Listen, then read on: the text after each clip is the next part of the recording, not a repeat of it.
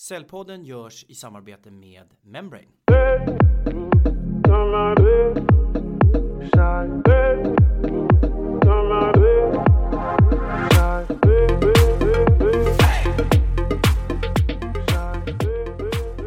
Hej och välkommen till Säljpodden. Jag heter Ken Skog och det här är en podd för oss som gör affärer. Podden ges ut i samarbete med Säljarnas Riksförbund. Den här podden, där träffar vi experter inom försäljning. Och idag har jag nöjet att ha Henrik Larsson Broman från ProSales här för att prata om försäljning. Välkommen Henrik! Stort tack Ken, fantastiskt kul att vara här. Faktum är att när jag fick frågan om att ta över Säljpodden så var du en av de första gästerna jag tänkte att jag skulle ha med för att vi har ju känt varandra väldigt länge yes. och jag vet att du kan väldigt mycket om försäljning. Så att, äh, men en ynnest att ha dig här. Tackar. Ska vi dyka in i området försäljning? Det gör jag gärna. Vad är försäljning för dig? Um, jag tror faktiskt att det var Rolf Laurelli, tidigare förbundsordförande för säljarna, som en gång myntade att försäljning handlar om att få en annan person att vilja det jag vill att han ska vilja av sin egen fria vilja. Det handlar alltså om påverkan. Jag tycker det är en ganska fenomenal beskrivning av just vad försäljning handlar om. Att just få en annan person att vilja det jag vill att han ska vilja av sin egen fria vilja. Men det, det som har hänt är att den där har ju förskjutits eh, lite grann. Därför att nu är det inte kanske bara en person vi ska påverka. Utan det är flera personer vi påverkar. Eh, dessutom så kanalerna vi använder för att påverka människor eh, har exploderat. Så att det har hänt ganska mycket just kring hur vi påverkar andra människor. Så det ska jag säga att det är liksom definitionen på försäljning. Att liksom, hur påverkar vi andra människor? Vad är din egen relation till försäljning? Du forskar ju inom försäljning. Är du säljare själv? Jag tror att alla är säljare på ett eller annat sätt. Eh, men eh, jag, jag har jobbat med försäljning sedan första, första dagen jag kom ut från, från skolan egentligen. Jag började min karriär på Intersport en gång i tiden. Jobbade som säljare. Uh, sen, uh, sen pluggade jag ett antal år och uh, jag började på ett företag som heter Kairos Future. Där jag jobbade både med försäljning och, um, och omvärldsanalys och mycket fokus just på, på försäljning från ett mer te teoretiskt perspektiv. Men sälj har jag jobbat med i 25 års tid nu. Vad är din upplevelse har förändrats mest inom försäljningsområdet de senaste 20-25 åren då, då? Sen du började på Intersport? Ja, men det, har hänt, det har hänt väldigt mycket. Vissa hävdar att det har hänt mer de senaste fem åren än vad det har hänt liksom de senaste hundra åren. Men eh, det är väl en sanning med modifikation. Men jag skulle säga att det finns ju en herrans massa trender som påverkar oss. Eh, vi vet ju att det händer enormt mycket i vår, i vår omvärld som ställer om våra affärsmodeller. Som ställer om hur vi kommunicerar, hur vi påverkar, vilken kompetens vi behöver och så vidare. Men det, det, den absolut största förändringen det är att vi har gått från en typ av försäljning till minst fyra typer av försäljning. Uh, och det här har kastat om rätt mycket just kring själva säljmodellen. Vad är det egentligen som är fundamentet i byggandet av en säljorganisation? Inte bara säljaren utan hela organisationen. Uh, och då ska jag säga att det finns, det finns två, två starka rörelser där. Om du tänker att historiskt sett så har vi sålt det kunden vill ha. Mm. Sen har vi gått till att sälja det kunden inte vet att kunden behöver. Idag i framtiden så säljer vi allt högre utsträckning det som varken vi eller kunden vet att kunden kommer att behöva.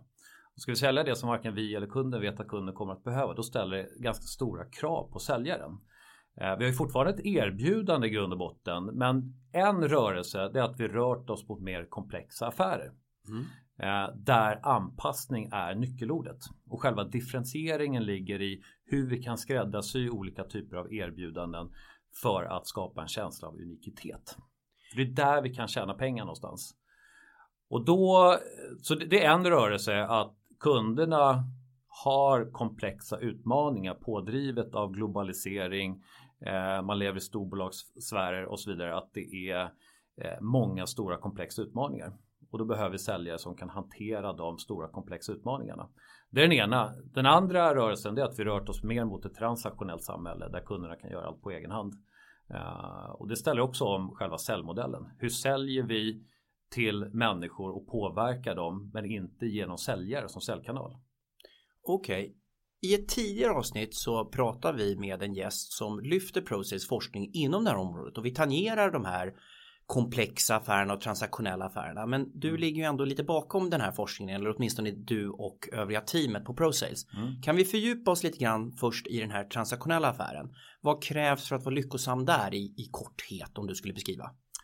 I korthet, om du tänker dig eh, alltså mycket, mycket av influenserna kommer faktiskt från konsumentvärlden. Det vill säga vi är fortfarande människor i grund och botten. Och trender uppstår när, när vi människor förändra våra beteenden eller förväntningar eller våra vanor. Då har tekniken gjort det möjligt för oss att göra mycket på egen hand. Eh, och det, det skapar en känsla av att vi behöver faktiskt inte säljare som gör affärerna därför att kundernas premisser har, har förändrats. Så transaktionell försäljning den bygger på att vi använder oss av teknologiska lösningar för att kunden ska driva hela sin köpprocess på egen hand. Och det är allt ifrån hur jag hittar information på Youtube till hur jag hittar do it yourself guider till eh, jämförelsesajter till eh, referenser till, eh, till rekommendationer på olika typer av sajter. Eh, så i all typ av enkel försäljning så tillför säljaren inte så stort värde. Och speciellt inte om det är någonting som jag köpt förut och jag vet vad jag köper för någonting. Om jag nu ska åka ner till Spanien, vilket jag ska göra i sommar här, så eh, nu håller jag på att leta boende och då är det klart att vad gör jag då? Jag frågar mitt nätverk. Eh, jag ber om rekommendationer och jag använder olika typer av sajter för att få den informationen. Jag behöver inte gå till en resebyrå längre. Och det är precis det som händer inom business to business också. Att mycket av det där kan vi göra på egen hand. Eh, och i syvende och sist så har du liksom eh, plattformar som Amazon till exempel. Så man e-handel är en del av en transaktionell affär och som vi vet ökar. Så i korthet så bygger den på en do it yourself trend där, där kunder gör mycket, mycket av egen research och till och med trycker på köpknappen själv. Och där pratar vi om standardiserade produkter där kunden kan göra sin research. Det blir helt enkelt för dyrt att ha en säljare också som sitter och ringer eller besöker dig för att köpa DN-abonnemang eller försäkringar eller vad vi nu pratar om. Ja men precis, så är det ju. Sen ligger ju fortfarande utmaningen i att hur når vi ut till kunderna att just att de ska välja oss som, som leverantör. Men jag tror att mycket av den traditionella försäljningen som har byggt på att vi som säljare agerar informatörer och kommunikatörer. Vi informerar kunderna om produkter, tjänster, priser, konkurrenser, hur de ska använda lösningen. Mycket av det här kan vi göra på egen hand idag. Och då så äts den kakan upp. Den traditionella försäljningen äts upp mycket av den transaktionella affären. Ehm, men det som blir kvar då, det är, det är den andra. Det är liksom hur, ja, de affärer där vi faktiskt, där människan kan göra skillnad. Nu är inte du en världsdomare, men mm. tycker du att det här är ett bättre sätt att som köpare köpa den här typen av produkter än tidigare när resebyrån fanns till exempel? Nu spelar det faktiskt ingen roll vad jag tycker, utan det man tittar på när man, när man gör kartläggning och undersökningar, det är ju vad, vad, vad majoriteten säger eller vad en viss grupp av människor säger och tycker. Uppenbarligen är det så att en väldigt stor del av oss människor föredrar att göra på egen hand idag. Mm. Precis som du och jag när vi köper saker och ting. Jag orkar inte hålla på att träffa massa säljare i tid och onödan som både skäl tid från leverantören men också från mig som, som köpare. Därför att den informationen får jag på egen hand. Så svaret var egentligen att det stora klustret tycker att det här är positivt eftersom det, trenden går åt det här hållet. Men du kände som du hakade på kände samma sak så här, det är en polarisering vi pratar om. Mm. Det handlar inte om det ena eller det andra. I vissa situationer så är det så att jag kommer att behöva dig Ken Skog därför att du kan ge mig expertis, rådgivning, saker och ting som jag inte kan googla fram. Perfekt. Och därför så får jag ett förtroende för dig eh, och därför vill jag anlita dig.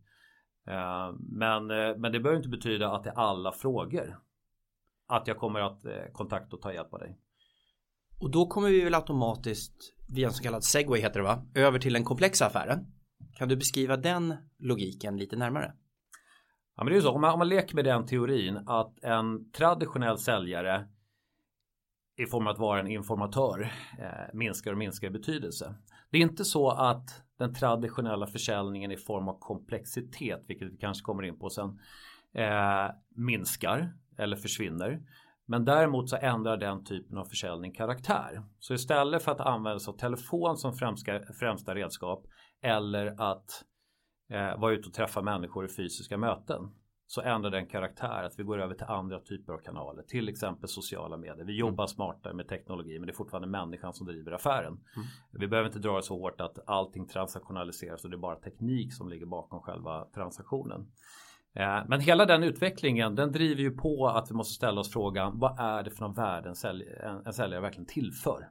Vad är säljarens primära uppgift?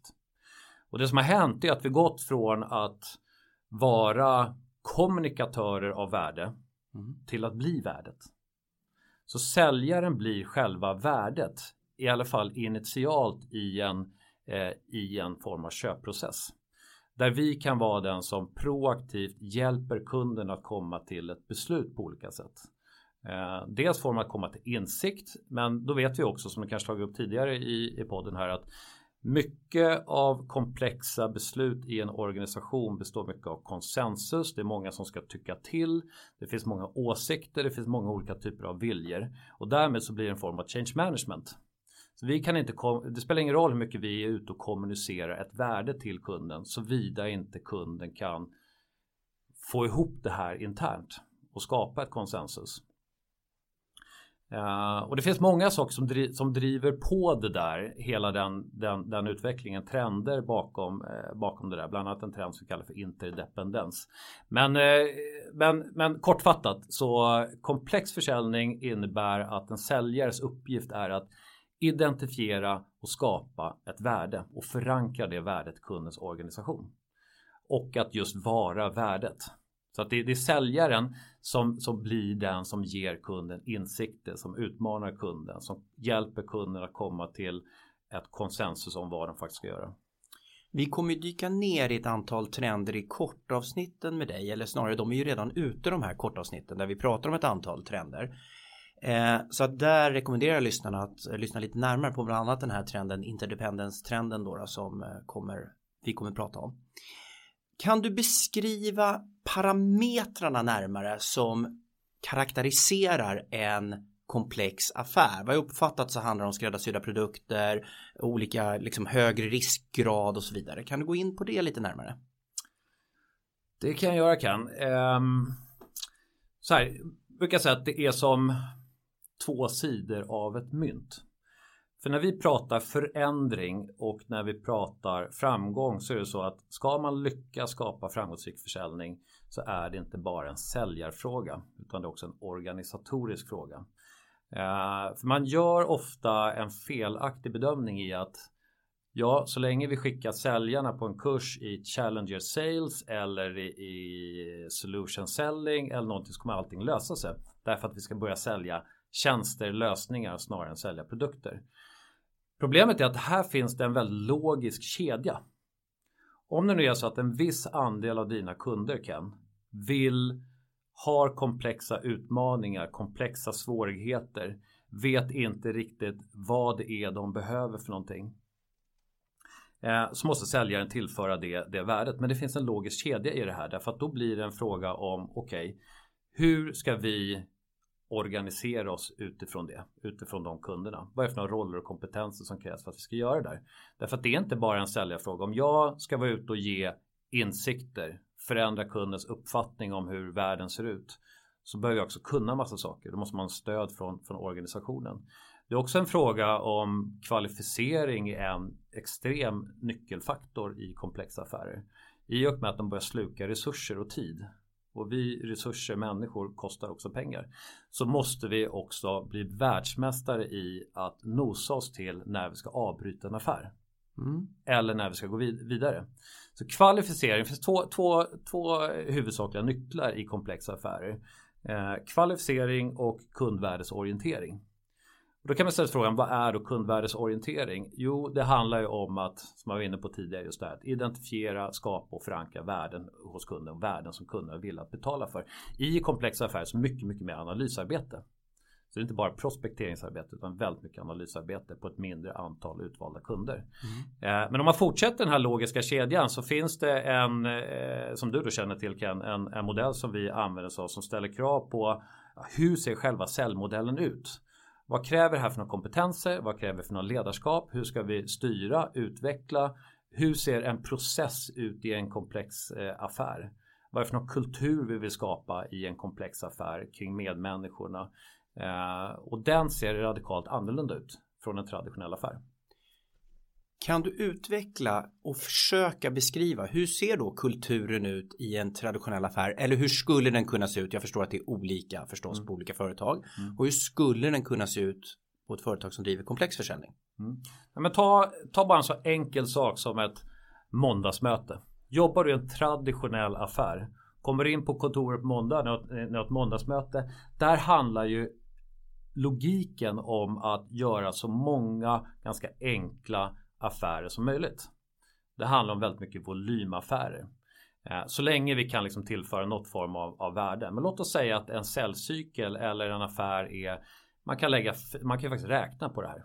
Fyra mm. timmar eller kanske sex timmar är vad vi ska lägga i genomsnitt på en affär som kanske omsätter, inte vet jag, 50 000. Eh, I ett måndagsmöte så är det den här det är det som man diskuterar. Det vill säga hur ökar vi produktiviteten? Hur får vi ut eh, eh volymer? Vilka kunder ska vi prospektera? Vi har ett CRM-system som stöttar det här på olika sätt. Om du blandar ihop det med ett team som jobbar med komplexa affärer som har helt andra utmaningar. De har helt andra frågeställningar. Det blir en, en, en väldigt mixad kultur som inte går ihop därför att du kommer skicka felaktiga signaler. Så när du kommer in på måndagsmötet för teamet som jobbar med komplexa affärer så handlar det mer om okej, okay, vad gör vi för aktiviteter på de här tre, fyra kunderna? Vad är deras stakeholders? Vad är det för värden de är villiga att betala för? Eh, hur ser deras interna politik ut? Eh, vad är beslutskriterierna just för den här typen av affärer? Eh, och så vidare. Så det finns ett antal olika liksom, checklistor man bör, bör gå igenom. Och, och, det ställer jag även krav sen när det kommer till det coaching. Vad är det jag samtalar med min chef om? Mm. Uh, det är en helt annan typ av utmaningar och, och frågeställningar. Så rent konkret så behöver man egentligen separera dem där. Du behöver ha olika avdelningar i, i din verksamhet.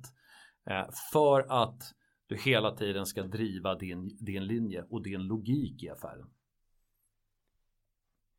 Och du vill att jag ska vara ännu mer konkret? Nej. Nej, Jag tänker att vi ska dyka ner i en ganska svår fråga och se mm. om det här går att få ett svar på. Mm. Kvantitet versus kvalitet. Mm. När man hör dig beskriva de här affärerna så kan man uppfatta att det låter som att den ena affären bygger helt och hållet på kvantitet medan den andra bygger på kvalitet. Är det så lyssnarna ska uppfatta det här? Så, så är det ju inte, men det är en skala av kvalitet. Så att det, det, är ju, det är ju inte så att i, ju mer transaktionella eller traditionella affärer så är det faktiskt så att värdet ligger mycket mer i erbjudandet. Eh, Medan i komplexa affärer så ligger värdet mycket i, mer i helheten inklusive de människor som är delaktiga i själva affären för att den överhuvudtaget ska bli lyckosam.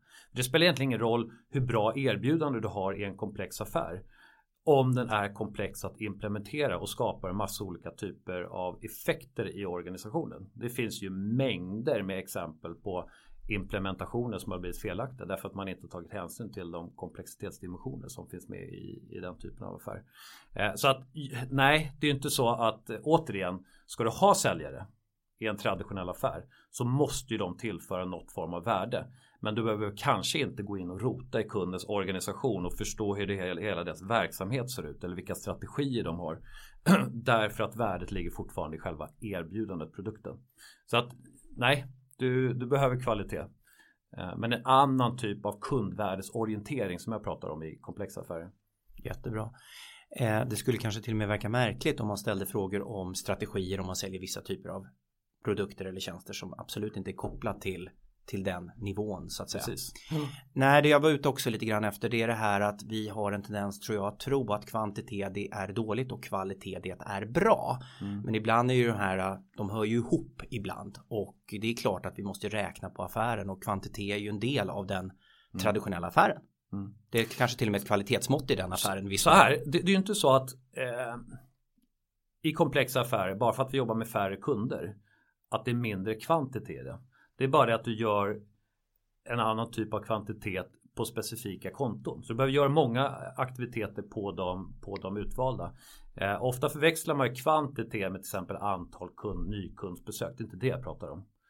Så, men, men det är klart, i en, i en traditionell affär så är det viktigt med att hålla en hög kvantitet eh, i, i just antal kundbesök eller i att mer form av transaktioner med kunden eller dialoger med kunden. Sen vilket format, om det är ett fysiskt möte eller det är per telefon eller sociala medier eller Snapchat eller något annat, whatever. Så, så handlar det om att eh, snabbt komma till ett, till ett beslut. Jättebra, det här tycker jag du summerar väldigt bra. Det är min upplevelse också när jag är ute och träffar mycket kunder att vi blandar ihop det här och tror att det ena är finare och det ena kräver mer kvalitet. Det är olika helt enkelt. Det kräver olika måttstockar för att man ska bli framgångsrik. Precis. Och det, och det bygger i sin tur på hur kunden tänker när kunden köper. Det finns ett antal parametrar där som handlar om hur ja, med kundens mognadsgrad, var de befinner sig i en köpprocess eller deras upplevelse av komplexitet i affären. Upplevelse av risk och värde. Mm. Du nämnde tidigare att det ställer nya krav på säljarna. Om vi nu tittar på den komplexa affären som vi nu börjar fördjupa oss lite mer i. Vilka krav specifikt ställer det på den nya säljaren? Förutom då det du nämnde en det krävs en förmåga att kunna analysera. Vilka fler förmågor, beteenden eller egenskaper ser du att en säljare i den komplexa affären ska ha? Mm. Så här, en av de första studierna vi gjorde 2006 Eh, så gjorde vi en stor studie på ett antal tusen säljare i Sverige för att just mäta kopplingen mellan performance och hur man både beter sig och vem man är som individ. Eh, och de parametrar som blev väldigt, väldigt framträdande där, det var att de mest framgångsrika säljarna, de hade en stark framgångstro. De hade ett väldigt, väldigt stort prestationsbehov. De hade en stark tävlingsinstinkt och de var väldigt målfokuserade.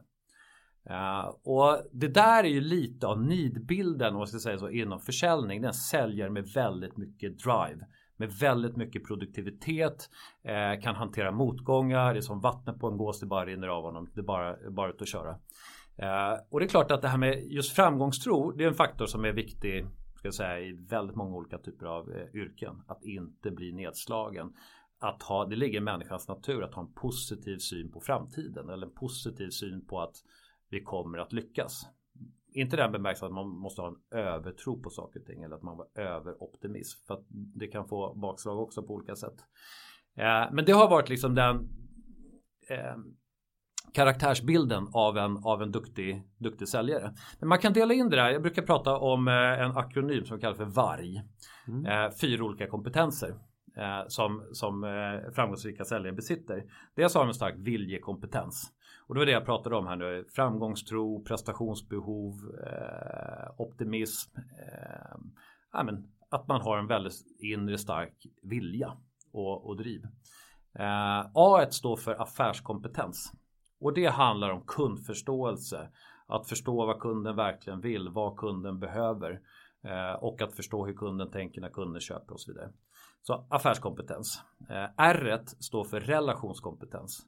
Jobbar du med personliga affärer så är förtroende väldigt viktigt. Att du kan lita på mig, att du känner en trygghet när du umgås med mig eh, och att man har någon form av emotionell förmåga. Och G står för genomförande kompetens. Det vill säga att jag verkligen verkställer det jag gör också och inte bara är den som är duktig på att prata eller besitter en hög affärskompetens men jag gör inte så mycket. Så varg eller grav kan man använda sig av också som, som akronym. Jag skulle vilja lägga till ytterligare ett, ett kompetensområde och det är digital kompetens. Mm. För det som händer nu när vi rört oss in i en, i en digital era det är att det finns en uppsjö av olika typer av smarta intelligenta verktyg och kanaler vi kan använda oss utav. En utav dem är till exempel sociala medier. Så du måste anamma och ta till dig ny typ av teknologi i de forum där kunderna verkar och där du kan vara med och påverka dem. Och det kallar jag för digital kompetens. Att inte fortsätta och, och, bara köra på med traditionella metoder och enbart telefonen som redskap. Det finns andra smartare eh, redskap och det ser man ganska tydligt nu också när man studerar lite mer moderna säljare. Att de använder sig av olika typer av eh, verktyg och system som gör dem mer effektiva. Och att de blir bättre på att prioritera.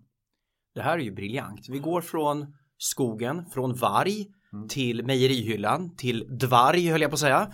Eh, digital kompetens, viljekompetens, yes. affärskompetens, relationskompetens och genomförandekompetens. Mm. Det är briljant på riktigt. Och det som har hänt och som svar på din fråga det är ju att eh, den traditionella säljaren har varit väldigt mycket viljekompetens och genomförandekompetens. Du har nästan kunnat leva på det. Ut och kör och nöt skosula och du kommer bli framgångsrik. Så länge du har i alla fall några procent hitrate så, så kan du alltid öka försäljningen genom att eh, riva av så mycket som möjligt.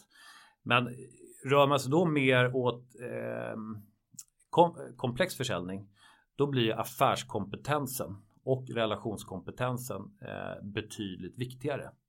Mm. Det, är, det är inte så att viljekompetensen blir obetydlig men i relation till de andra kompetenserna så blir den inte lika viktig.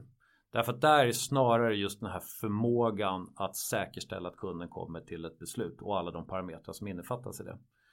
Och sen är det ju så att i den transaktionella affären ja, då har vi inga människor så att då försvinner de där då. Eh, och den digitala kompetensen den ersätts ju av att du har team av ja, allt från programmerare till människor som verkligen förstår hur kunder köper i en digital värld.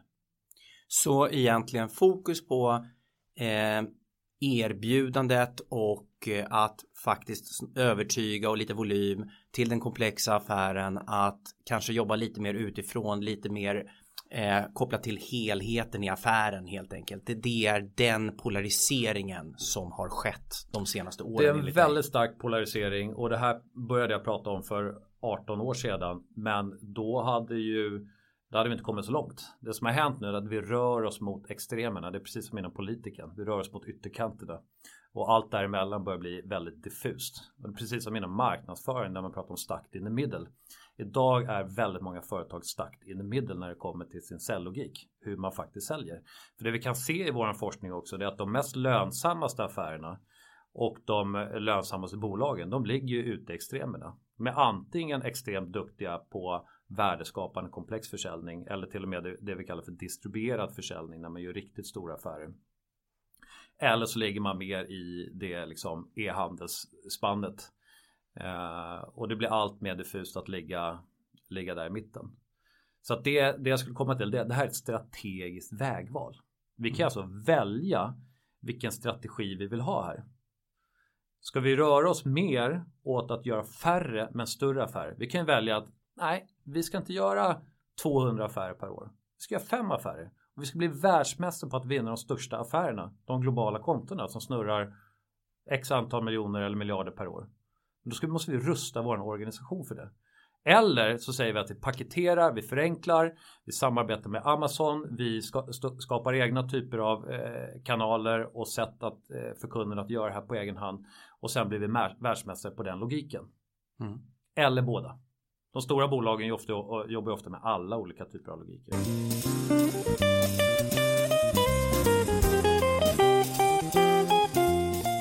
Hej! Det här är Georg Brontén, grundare av Membrane. Att du lyssnar på den här podden tycker jag är ett tecken på att du vill lära dig nya saker och är stolt över ditt jobb som säljare eller säljchef. Den stoltheten delar jag med dig. Som entreprenör och bolagsbyggare vet jag att utan försäljning så händer ju ingenting. Det är min övertygelse att det är hur vi säljer som är skillnaden som gör att vissa lyckas medan andra misslyckas. Och det här kommer bli ännu tydligare i framtiden, särskilt inom B2B-försäljning. Tyvärr så är det så att de flesta CRM-verktyg som säljare tvingas använda idag inte utvecklades med den här insikten. Därför så har de inte blivit mycket mer än glorifierade adressböcker. Och kanske var det här tillräckligt när ni valde det CRM-system som ni använder idag. Men det kommer inte vara tillräckligt i framtiden om ni vill bli bäst. Därför har vi på Memrin utvecklat ett system som går bortom att logga information och istället fokuserar på hur ni ska arbeta med försäljning för att vinna fler affärer och skapa konkurrensfördelar. För framgång inom professionell försäljning handlar om att utveckla människor och arbetssätt, inte bara databaser. Låter det här intressant? Maila oss då på kontakt.membrane.com eller besök www.membrane.com för att lära er mer. En, inte personlig fråga, men en reflektion. Jag träffade dig första gången 2011. 2013, 2014 så hade vi ett längre samtal om det här med komplex, traditionell och semikomplex där man var just mitt emellan. Mm. Du sa alltså det här redan för sex år sedan. Du hade rätt då. Du har uppenbarligen ännu mer rätt nu. Varför har folk inte lyssnat fullt ut? Varför har vi så många företag som fortfarande är kvar stuck in the middle? Du får reflektera fritt. Förändring tar tid. Och speciellt, alltså det finns ju olika grader av förändring. Ja, men vi behöver byta ut ett skrivbord på kontoret. Det är en ganska eh, väldigt liten, eh, litet inslag av förändring. Men så fort du börjar komma till att förändra människor, strukturer, processer, erbjudanden. Det är ju så att när du flyttar en säljmodell eller till och med affärsmodellen, det vill säga hela företagets eh, existens på något sätt. Vad är det vårt företag syftar till? Eh, så blir det ett väldigt invasivt ingrepp. Eh, och det dels så även om du har kommit till insikt så ska du förmågan att göra den förflyttningen också. Mm. Eh, så om, om du börjar med att låt oss säga att en, en, ett visst antal procent inte ens har kommit till insikt. De fortsätter att tugga på. Ja, där har du en grupp och sen är de här som har kommit till insikt men vet inte hur de ska göra. De har inte kommit längre än så. Eller de som inte klarar av att göra det. Därför att vi vet också att två av tre förändringsprojekt misslyckas. Det är svårt. Och där är det mycket lättare på ett sätt när man träffar de här bolagen som är startups som har eh, börjat från ruta noll. De kan ta in människor redan från starten som har ett visst typ av synsätt eller är mer digitala i sin karaktär. Man kan bygga teamet från början. Det är klart att det är väldigt, väldigt stor utmaning om man nu har 10 000 anställda eller 500 anställda för den delen att göra en radikal förflyttning. Det är lättare för de organisationer som redan från början ta konsultverksamheter eller eh, alltså de som har jobbat med konsultativ försäljning redan från starten. De har det DNA. De behöver kanske, för dem är det inte ett så stort förändringsprojekt.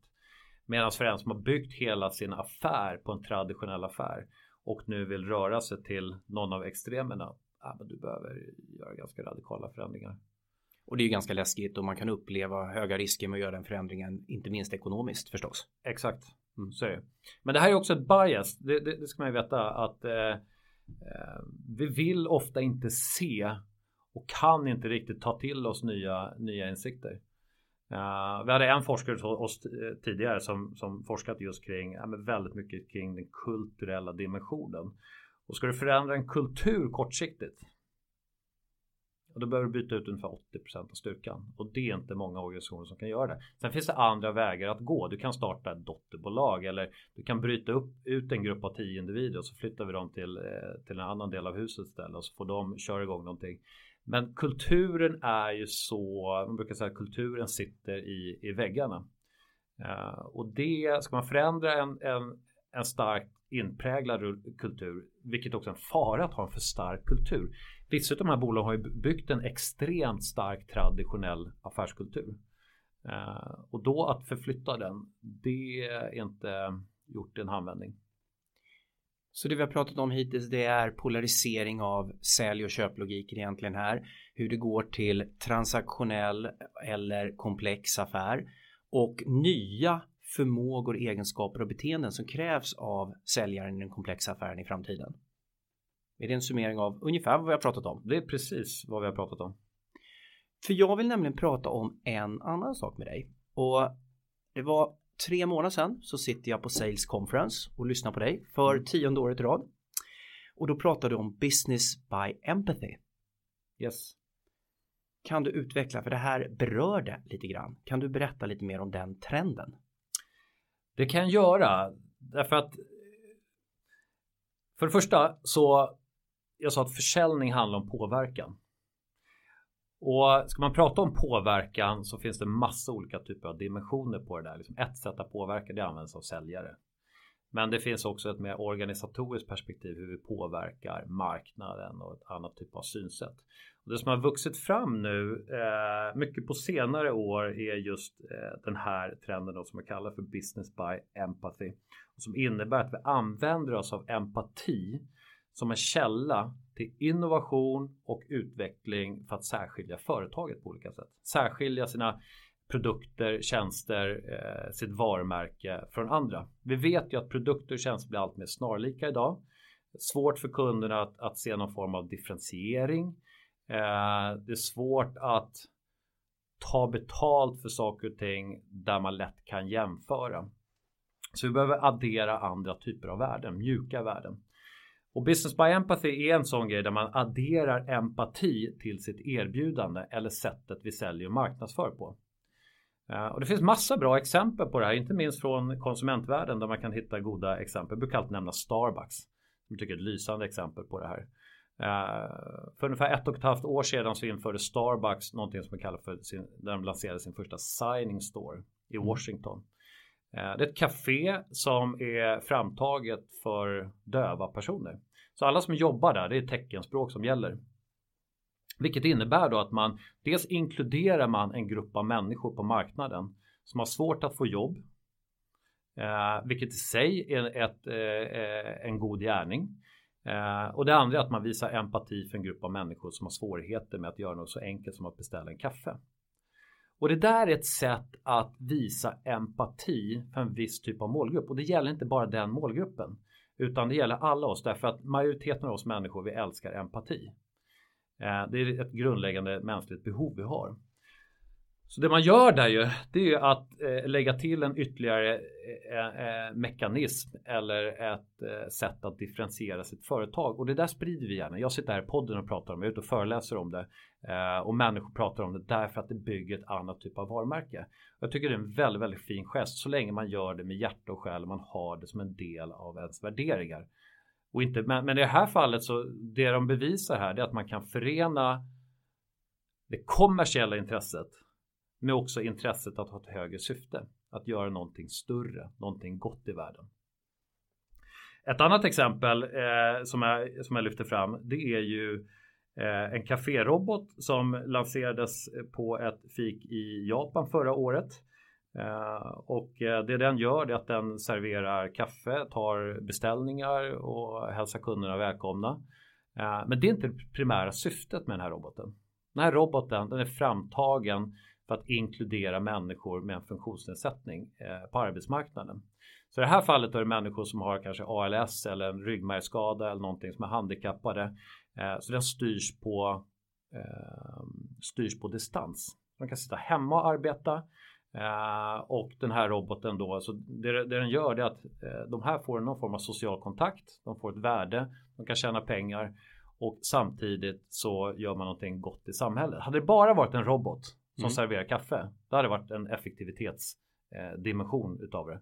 Men i det här fallet då lägger man på ett mjukt värde som gör att jag skulle nog lätt kunna gå dit av den enkla anledningen att det tillför någonting gott.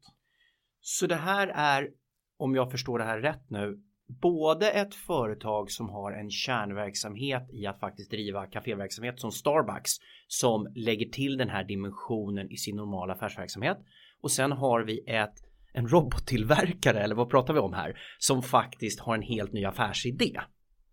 Precis, det här är ju en mix och eh, det här kan man se som ett form av test. För det som händer, det som driver på det här, ska man alltid veta att just då trender uppstår när innovationer och idéer möter ett mänskligt behov på ett nytt sätt. Eh, så att det är vi människor som driver på det här mycket, eh, mycket och när det kommer just till den här känslan av eller att vi vill att företag ska bidra till något. Det är inte bara, eh, det är inte bara organisationer eller ideella föreningar eller stater som ska bidra till ett bättre samhälle. Utan man lägger över det ansvaret på företag med. Det är det som är den stora förflyttningen. Därför att vi förväntar oss det. Vi för, och speciellt bland yngre generationer så finns det stort misstroende idag. Man tycker att företag är alldeles för kommersiella. De syftar bara till att blidka sina aktieägare och, eh, och har inte ett högre syfte där de gör någonting gott. Men vi förväntar oss det. Vi konsumenter förväntar oss att företag ska göra gott i samhället. Och när förväntningarna ökar, ja då måste vi börja tänka till. Därför att det som händer nu är att det här kommer bli en hygienfaktor i framtiden. De företag som bara drivs av ett kommersiellt eh, intresse av att tjäna pengar eller att ge avkastning till sina aktieägare, de tror inte jag har ett framtidsberättigande. Därför att den här förväntningen kommer fortsätta öka. Finns det några länder som ligger långt framme inom det här området? Nu har inte jag några studier på det, men Sverige har ju anledningen till att Sverige har gått så fantastiskt bra historiskt sett det är att vi har byggt ett väldigt starkt förtroende. Ett förtroende globalt. Uh, och det här handlar om förtroende. Att jag litar på Starbucks att de, är, de agerar bara inte ut kommersiellt intresse utan de vill faktiskt någonting mera. Och det är bara att titta på ett sådant företag som, som Salesforce till exempel som eh, har liksom ett filantropiskt synsätt i grunden när Mark Benioff startade det bolaget. Att det ligger i deras DNA att en viss procent ska gå till välgörande ändamål. De anställda ska vara delaktiga i välgörande ändamål. Att man har det som ett högre syfte. Syftet är inte primärt att tjäna pengar. Syftet är att skapa en bättre värld på olika sätt. Ehm, och det tror jag är eh, en del av att vi människor förväntar oss det både som anställda och kunder. Så trenden går åt det här hållet. Men en fråga hur ser det ut exempelvis i Sverige idag om ett av de här företagen som startar eh, med en sån här affärsidé eller en sån här vilja att göra gott blir extremt framgångsrikt mm. och faktiskt tjänar oerhört mycket pengar. Hur ser vi på det företaget då? Ser vi på samma sätt? Har du någon reflektion? Jag, jag ser inte det som ett eh, motsatsförhållande. Både Starbucks och Salesforce är extremt framgångsrika bolag. Ikea är också ett extremt framgångsrikt bolag. Men de gör andra saker som stärker deras varumärke. Jag tror att det, det handlar inte om att de som är vinnare eller vi kommer bara se upp till de bolagen som jobbar helt ideellt. Det, det kommer inte hända utan eh, vi, vi människor och konsumenter är, smarta nog att inse att ja, för att vi ska få ett välfärdssamhälle så behöver företag som också tjänar pengar. Annars har vi inte ett, ett välfärdssamhälle överhuvudtaget. Så att det går att kombinera göra gott med att tjäna pengar. Ja, men definitivt. Mm. Men, men, men det är ju fortfarande så att många gör det där på fel sätt. Jag skulle säga att de bästa bolagen det är ju de som gör det här av passion och hjärta och som inte skryter om det. Utan nyckeln i ett nätverkssamhälle som vi ligger i eller lever i det är ju att få nätverket att samtala om det här mm. och sprida det här budskapet. Det är därför man ska göra, inte för att använda det kanske i en reklamkampanj på TV4. Det kan man göra, men det är lätt att det skiner igenom som att det är bara ett kommersiellt syfte. Man gör det här bara för att eh, tjäna pengar. Eh, det finns ett begrepp för det där också, men eh, jag skulle säga att de, de företag som lyckas göra det där med passion och få kunderna att sprida det här budskapet vidare. De, lyckas. de vinner extremt mycket förtroende på marknaden.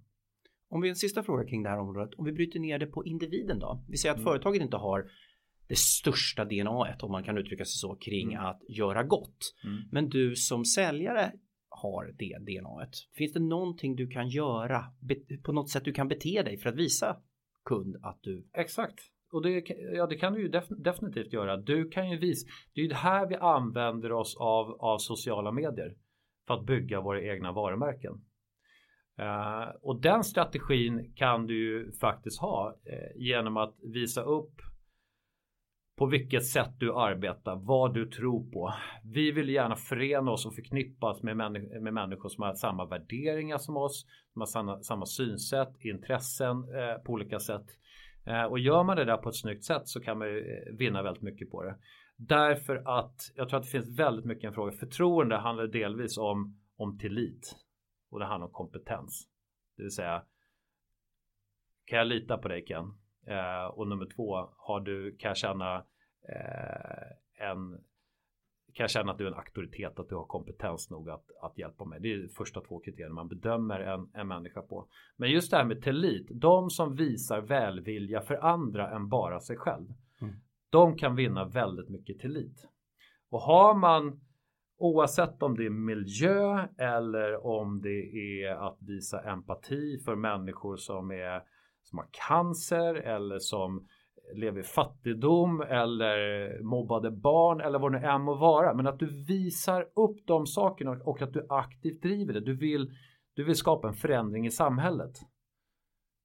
Om du gör utifrån det skälet så kan du vinna väldigt mycket tillit.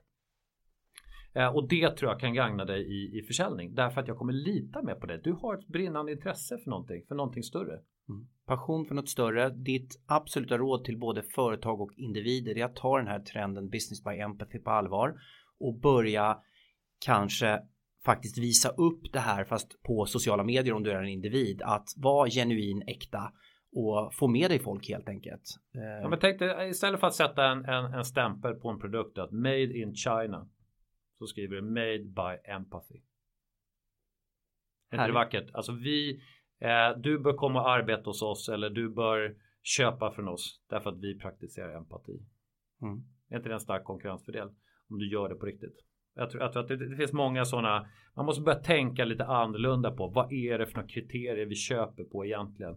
Varför välja det företaget framför det bolaget? När de i praktiken har samma prissättning, samma erbjudanden, kan hitta liknande lösningar. Ja, men då är det någonting annat. Och det här finns det också en del studier på som visar på liksom, vad är det för några kriterier vi just värderar. Man kan ju lite se som finns eh, om man googlar lite grann så finns det en beslutspyramid i business to business som är härledd från just Maslow. De i grund och botten har de funktionella värdena som pris, att den är konfigurerbar, Eh, att den håller en viss typ av kvalitet och så vidare. Men vi köper mer och mer högre upp i pyramiden sånt som handlar om samhällsansvar, inspiration, företagets why eh, och mer mjuka, luddiga värden. Men, men, men, det, men det vet vi. vi, vi människor är ju inte särskilt rationella och det gäller även för business to business att vi, vi försöker vara rationella Eh, men vi plockar också in de här mjuka dimensionerna som en del i det rationella beslutsprocessen. Vi försöker att använda det som ett rationellt eh, beslutsvärde. Fantastiskt. Mer mjuka värden i försäljningen. Ta trenden Business by Empathy på allvar. Eh, den är här och den kommer bara att växa den här dimensionen inom försäljning. Henrik, innan vi avslutar. Det finns så mycket, enormt mycket kunskap hos dig. Jag måste ställa den här frågan. Finns det någon fråga jag inte har ställt som du under den här intervjun känner ah, det där borde du ha frågat om?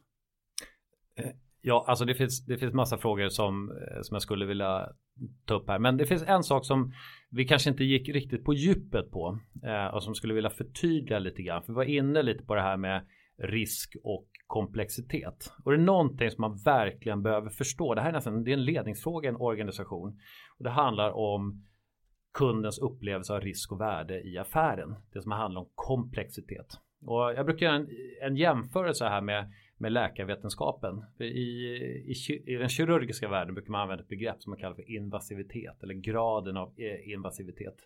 Eh, och som innebär att i praktiken hur mycket karvar man i patientens kropp. Ju mer man karvar desto större komplikationer kan tillstöta. Och på samma sätt kan man prata om invasiva affärer. Det vill säga vilka ingrepp behöver göra kundens organisation för att de ska få ut ett värde av det vi levererar.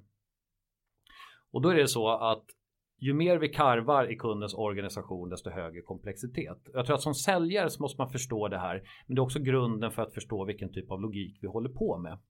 Eh, för det sätter kraven på hur säljaren ska arbeta. Det är ju så att om du erbjuder Låt om vi tar ett eh, enkelt exempel här. Om du erbjuder 1500 nya PC-datorer till en, till en organisation som redan har PC så är inte det ett särskilt invasivt ingrepp.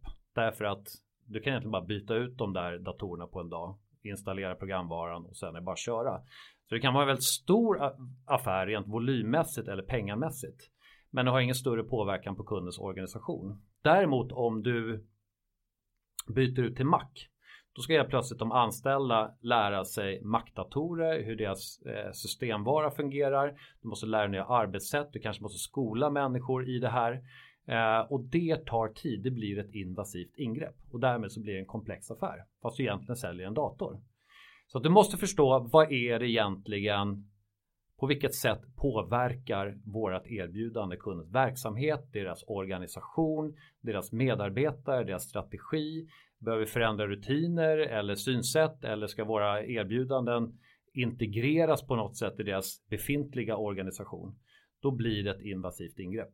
Och det här ställer kravet på just hur är det vi säljer och det är också en indikator på hur komplex affären blir. Så att eh, summerat, förstå komplexiteten i din affär. Det kommer ge underlag för att bygga din säljmodell. Jättebra. Så hur, vem och vad som förändras och ju större förändring egentligen så ju större komplexitet. Det här ni som är trogna Säljpodden-lyssnare har ju hört det här tidigare även i de avsnitt där jag varit programledare men nu fick vi faktiskt höra det från källan så att säga till den här forskningen. Det har varit otroligt spännande att ha med dig här som gäst idag. Tycker vi har lärt oss massor. Hoppas att lyssnarna känner samma sak. Tack så hemskt mycket för att du var med mig idag i den här intervjun. Stort tack Kul att vara här. Det här var Säljpodden, en podd för oss som gör affärer som ges ut tillsammans med Säljarnas Riksförbund. Och hoppas att ni lyssnar in på även de tidigare avsnitten, bland annat kortavsnitten med Henrik Larsson Broman där vi går igenom trender inom försäljning. Förutom de trender vi har pratat om här idag. Tack så hemskt mycket. Hej då!